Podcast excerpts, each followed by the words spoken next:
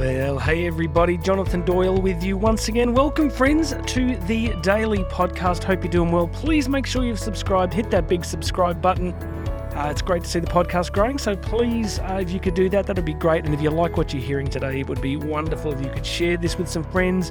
Stick it on your various social feeds if you have them, and uh, hopefully, what we share today is just going to give you and the people you care about a little bit of encouragement little bit of inspiration. That's all we need some days, a little spark, just to, a little thought to keep us going throughout the day, something that resonates with us. Now, a couple of things. Um, went saw another family movie yesterday. We've got this habit lately of uh, the whole family going out. We, we like seeing movies. It's one of those things where, you know, despite the advances of technology and the craziness of modern life, going to a cinema still has a bit of the magic that it always had, you know, back in the day. You sort of go in there and the world kind of disappears for that, um, you know, two or two and a half hours. And yesterday, on the recommendation of my eldest daughter, who saw this movie with a friend a few weeks ago, we went and saw The Phantom of the Open. When she first texted me about it, I, I thought she meant The Phantom of the Opera. I said, yeah, blah, like, you know, I know the story. Do we need to see that? But it's actually The Phantom of the Open. And it's a true story about um, Maurice G. Flitcroft. True story. And um, it's just a really interesting story about a guy who tries to do something really remarkable, but it's uh, it's quite a beautiful film. It's a great testament to family, to marriage, to love, to uh, to a whole bunch of things. And uh, I was sitting there thinking, man, it's weird how Hollywood operates. It can just serve up the most depraved, you know, destructive content, and then it just turns around and turns up, you know, some really beautiful movies. So go figure, huh? So I uh, we try to be very selective about what we watch. We had this joke early in our marriage where, you know, we used to watch a lot of movies before the kids came along, and I always wanted to watch what I called Triumphs of the Human Spirit. Karen say, "Do you want to watch a movie?" I say, "Yeah, sure." She goes, "What do you want to watch?" And I say, "Let's watch a Triumph of the Human Spirit." And she got really sick of Triumphs of the Human Spirit. She thought that we should watch the occasional romantic comedy, and I could not see how that could be the will of a loving God. So I said to her, "No, Karen, Triumphs of the Human Spirit."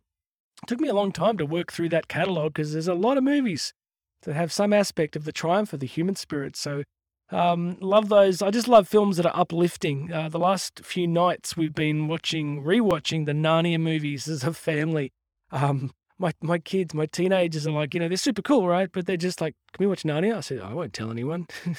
I won't tell your friends. Uh, so they're beautiful films, and I just love how these great themes. Isn't it true how these great themes just roll through uh, reality? You know, I'm a huge believer in the concept of, I guess, the classical understanding of natural law that there are givens to the cosmos, that there are there is a structure to reality. There's a reason why these beautiful films move us. Why, you know, I've always had this weird. I'm just I'm sort of rambling a bit here, but I'm just giving you some more insight into what uh, sort of motivates me. I've always really struggled um, with dark films, with evil stuff. I cannot watch it. I remember as a kid, you know, seeing a movie with some friends and just being, you know, really affected by it. So I guess what I'm saying is I'm a big believer in um, in just trying to expose ourselves to things lead to the development of goodness and virtue and hope because there's plenty of stuff to make us miserable and deliberately watching dark, evil stuff, I just think isn't exactly how I want to do life. So just take make of that what you will, judging nobody. But uh, there's just so much content that is so dark. As a parent now, it's just like you know you spend about an hour trying to find something that's not going to traumatize your kids. So um, let's just keep that front of mind that what we read, what we listen to, what we think, it matters. It's significant. That um, you know, the old garbage in, garbage out. It's what we put into ourselves, uh, what we allow through the doorway of our consciousness is pretty significant. The other thing I wanted to talk about just before we jump into today's quote, I wanted to talk to you about adaptation. Um, you know, regular listeners know I'm a huge believer in, um, you know, a lot of physical training. I do a, you know, I do a, a huge amount compared to most people, and I constantly say I'm not telling anybody to do what I do. Uh, but uh, you know, it's it's morning in the studio here. I've already done an insane um, bike race this morning. I'm feeling pretty good. I got to get through all the push ups today and then I might do another ruck. But I wanted to talk to you about this rucking adaptation. Rucking, if you're not familiar with it, is really nothing more complex than using a, a pack with heavy weight in it and walking up hills. That's rucking. Uh, it comes from uh, sort of military stuff, you know, US Special Forces, where they kind of you know, had to be able to carry pretty significant loads for long periods of time. So I've been doing these rucks. We're kind of lucky because where we live, we back right up onto a mountain and there's a couple of really, you know, solid little peaks there that uh, are really steep. And so yesterday I've been dragging around, I don't know, maybe, I don't know, I guess I've been dragging around kind of 25 kilos, which I guess for my American friends is about probably a bit more than 60 pounds. And yesterday I added another seven and a half kilo plate, which was a big jump. And I think that took me to somewhere around, I think I was in the ballpark of 35 to 40 kilos, which would be 80 to 90 pounds. And it was brutal and it was, it was really hard. So I had the dog with me and I did my standard, you know, my, my standard uh, distance. And the distance isn't so much the issue because it's more the weight and the altitude and sort of the, the gradient, right? But as I was doing it, I'm just, I finished it and I just wanted to share with you the, you know, the power of adaptation that, you know, our bodies can do amazing things. And whether right now you're fit or you are totally out of fitness, your bodies can adapt. So I just want to encourage everybody that, you know, for me, I think that, um, you know, so much of the mental health stuff that we deal with, one of the biggest things we can do is just think carefully about how we're using our bodies. You know, I think for me in the years that I've, you know, exercise has just been such a huge part of mental health for me. And but this adaptation thing, just um, like I've been saying in recent weeks, if if you're only walking to the letterbox, then you know, walk to the letterbox and take an extra 10 steps. If you're running 10 kilometers, we'll try running 12. You know, that's how I got into ultra marathons when the lockdown started. Uh, I, you know, went out, ran 5K, next day ran 10K, and literally it was like was like dominoes. The next day I did 12. A couple of days later, I ran a half marathon. I went and ran 22 kilometers. And then I thought, wow, that was that was hard, but you know, I did it. And then a few days later, I ran 30 kilometers, and then my brain started saying, well, 30 kilometers is kind of close to marathon distance. Marathon's 42, so and then I went out and ran uh, a marathon. And then uh, that was on a Sunday morning during lockdown. Just went out and ran a marathon on my own and then started running longer distances in the ultra category. So it is amazing what we can do, the adaptations that we can make in time. Now, all I wanted to do as we wrap up is uh, today's quote is from David Foster Wallace. If you are not familiar with him, he's a real prodigy. Sadly, he uh, he took his own life very tragically quite a few years ago now. But he was an absolute prodigy, a brilliant writer. I think there's actually a movie about him that's quite interesting. I think we watched it a few years ago. Uh, you can also, if you go on YouTube, you can just type in David Foster Wallace. You can see him giving a commencement address at an American university. So just a brilliant writer who we, you know, tragically we lost pretty young, but um, just had that gift, you know, that gift of deep insight and writing, the ability to write great prose. So listen to this quote today. He says this learning how to think really means learning how to exercise some control over how and what you think. It means being conscious and aware enough to choose what you pay attention to and to choose how you construct meaning from experience. Because if you cannot or will not exercise this kind of choice in adult life, you will be totally hosed. That is good. Let's let's just break open a little bit of this. He says firstly he introduces the idea that we can actually take exercise some control over just how we how we think, the actual practice of how we think and what we think. So I've talked about this a lot recently. For for many years I always thought that whatever my brain was serving up was reality. So if I was having a thought, I kind of thought, you know, this must be real. So if I, if I was depressed or I was anxious, if I was afraid, I would go, well, this must be reality because I'm having the thought and I'm having the experience in my body. This must be real. And it's only in the last few years that I've started to really have this breakthrough where I begin to think that my my thought process are like a smorgasbord at an all-you-can-eat restaurant. I can pick and choose which parts I want to I want to give my energy to. I can pick and choose the parts that are going to help me be healthier and fitter and the parts that are not going to make me healthy and fitter. So, you know, he says here it means being conscious and aware enough to choose what you pay attention to. Like, that's brilliant. Like, you know, you can literally, we, we have the ability to choose where our consciousness is directed, the, the specific things or people that we pay attention to.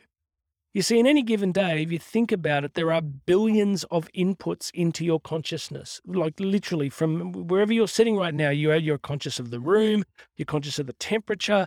You, t- you take a drive in a car. You you know you're conscious of you know vast numbers of inputs, traffic lights, other vehicles, weather patterns, radio or music in your car, all these different things. Consciousness is all, you know, our, our attention can be quite expansive. So to not lose our minds and go crazy, we've learned over, you know, century and thousands or millennia of evolution to be more specific about what we pay attention to. So that's the, another thing I want you to just realize that we can literally choose where our attention goes. I think Tony Robbins used to say where where attention goes, energy flows. I think that was his mantra. That where we place our attention, if we place our attention on all the darkness in the world, as you know Nietzsche said, if you gaze at the abyss long enough, the abyss, the abyss gazes back. That if we choose to focus on fear, if we choose to ex- uh, direct our consciousness towards paranoia. What are other people thinking about us? What are they going to do to us? What's going to happen here? What's going to happen there? We then create neurobiological responses in our body, right? We actually create certain feeling states based on where our consciousness has been directed. So, if we choose to direct our consciousness more deliberately and pay attention to things that are worthwhile and helpful to us, then I think we can grow. It doesn't mean that we have this kind of Pollyanna attitude where we only, you know, we just sort of ignore everything that's difficult and focus only on what we think is wonderful. But I think there's a balance here that we can choose where our attention and focus goes. Now, the next thing he says is how you construct meaning from experience. I have spoken about this in so many episodes over the last few years that, you know, again, Tony Robbins used to say that, you know, nothing has any meaning except the meaning you give it. I'm not quite sure I completely agree because I do believe very clearly in objective realities. But the idea that no matter what happens to you in life, you are free to construct meaning. You're free to actually construct what this means to you. So if somebody leaves you in a relationship, you can say, well, they left me because I'm the worst person in the world and I'll never find anybody and I'm ugly and it's awful and I'll be alone for the rest of my life. Or you can be, well, you know, you can have grief and you can honor your grief and you can feel your grief and you can say, well, I'm not in control of everything and it obviously wasn't meant to be. There's nothing, I have to accept that I can't control everything and I have to trust that there'll be a better relationship for me in the future. Now, those are, you know, it is the same event with two different constructions of meaning. You lose your job. It can be, I'm going to be broke. I'm going to be eating cat food. I'm living on the street. Nobody will ever employ me again my life's over. Or it can be, this is really hard, but I'm resilient and I'll find a way. So, same experience, just construction of different forms of meaning.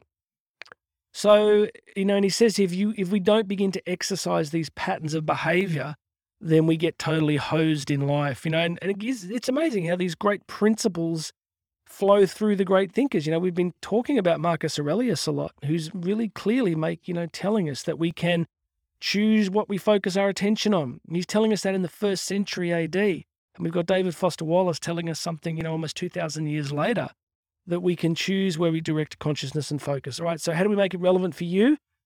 Think of something that you're going through at the moment, can, you know, that's difficult. Can you find an empowering meaning? Can you find an empowering meaning? You know, no matter what it is, there is a way. And again, I always direct you guys back to Viktor Frankl, you know, who's surviving Auschwitz who's going through the you know Nazi extermination camp experience, but then finds an empowering meaning. And if he can do it in that place, then I think we can do it in whatever we're faced or whatever challenging situations we're faced with. All right, so summary go and check out Phantom of the Open. Summary adaptation. Your body can do way more than you think just as you gradually adapt to increasing the um, the amount of work that you do physically. I just think that the more you do, the more your energy levels come up, and the more you can contribute to the world around you. And finally, let's take David Foster Wallace on board here. Let's realize that we have much more power over our consciousness than we think. We can direct our attention. We can take some responsibility for how we think. We can direct that consciousness and we can find empowering meanings even in difficult circumstances. Now, friends, let me tell you, this is this is an art form. You have to practice this. It does not just happen because we talked about it today and you go, yeah, that makes sense. I'll just do that. Totally different. This is something you must practice. You must catch yourself in the act. You must relentlessly catch yourself in the act of not thinking well and interrupt your pattern and start to actually think about it. All right, please make sure you've subscribed. If you have not subscribed to this podcast, please do that for me. Leave a rating, leave a review. Now go and check out the show notes here. You can get free access to my book, Bridging the Gap. You can book me to speak if you've got an event, conference, whatever it is for your organization. Go and check out how to book me to speak. There'll be a link here. And uh, you can also link across to the YouTube channel, which is where I'm doing this content in a video format. God bless you, everybody. Listen, uh, reach out to me if you have a topic that you want me to cover just for you. jonathan at jonathandoyle.co.co. Send me an email and I will uh, put together an episode on whatever difficult challenges you are facing. We'll keep it anonymous. We don't have to use your name, but um, we can shape some content. Best episodes always come from listener questions. All right, everybody, God bless you. My name's Jonathan Doyle. This has been the Daily Podcast, and you and I are going to talk again tomorrow.